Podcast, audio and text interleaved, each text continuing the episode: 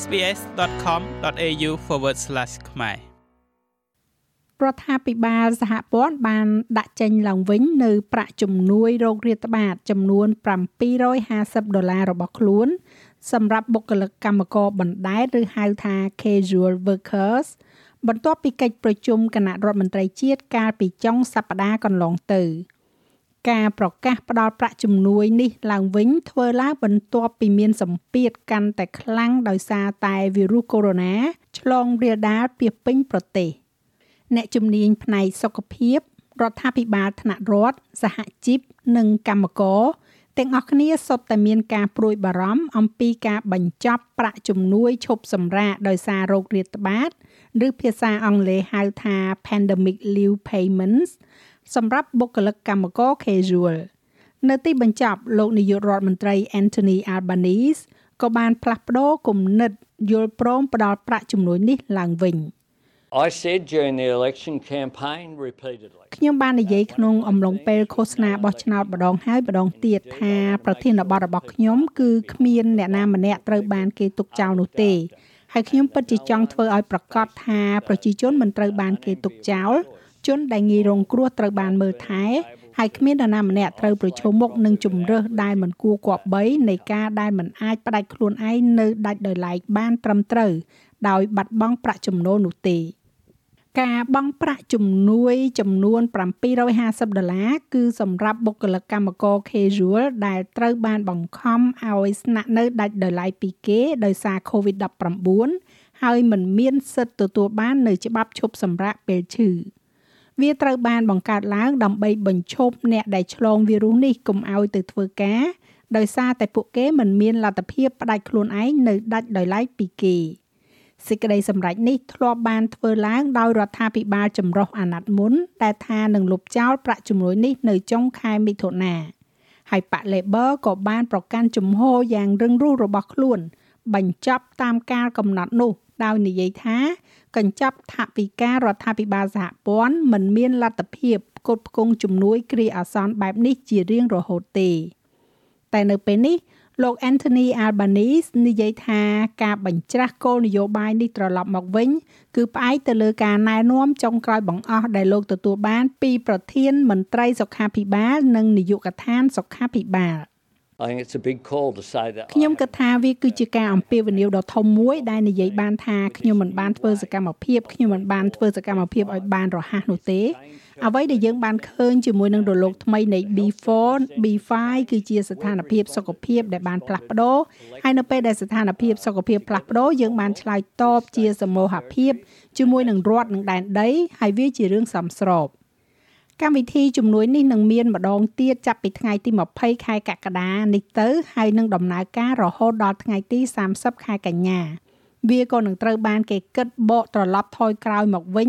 តាំងពីថ្ងៃទី1ខែកក្កដាបន្ទាប់ពីផុតកំណត់ការបរិច្ឆេទកាលពី2សប្តាហ៍មុន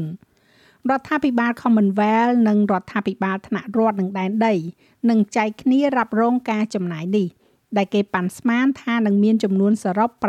780លានដុល្លារ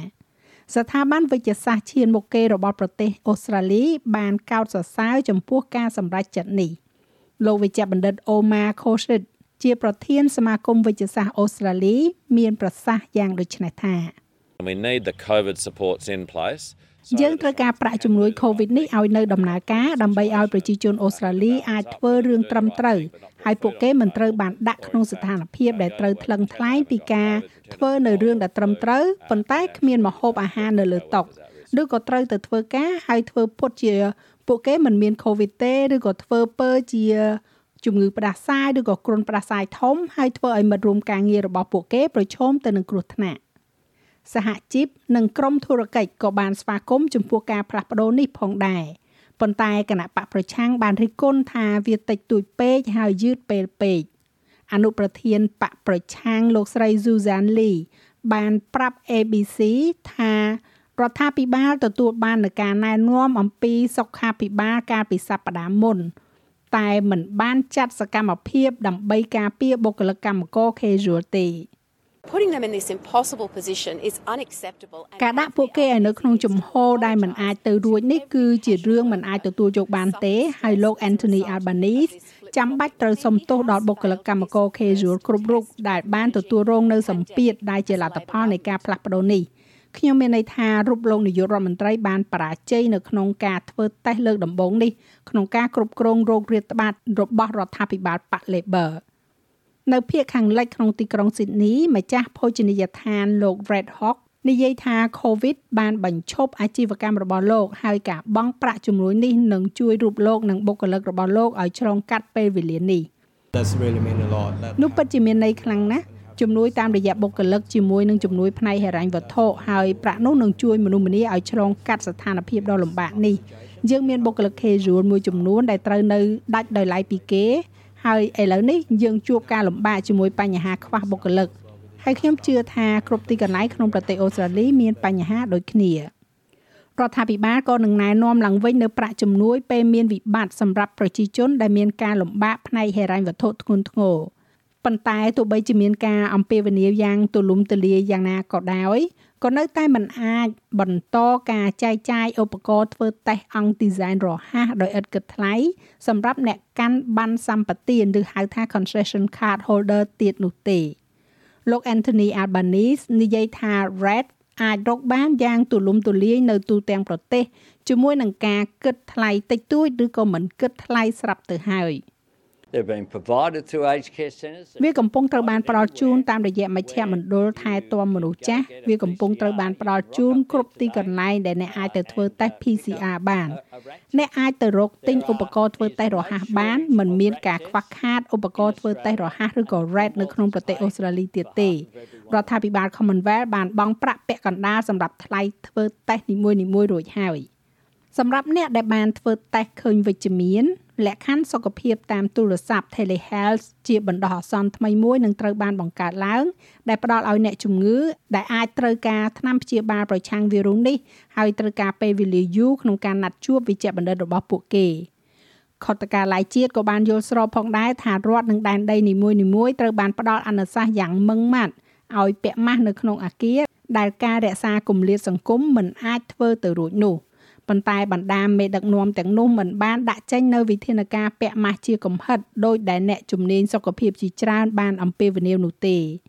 បច្ចុប្បន្ននេះមានមនុស្សប្រមាណជា5000នាក់ដែលឆ្លង COVID-19 កំពុងតែសម្រាកព្យាបាលនៅក្នុងមន្ទីរពេទ្យទូទាំងប្រទេសអូស្ត្រាលី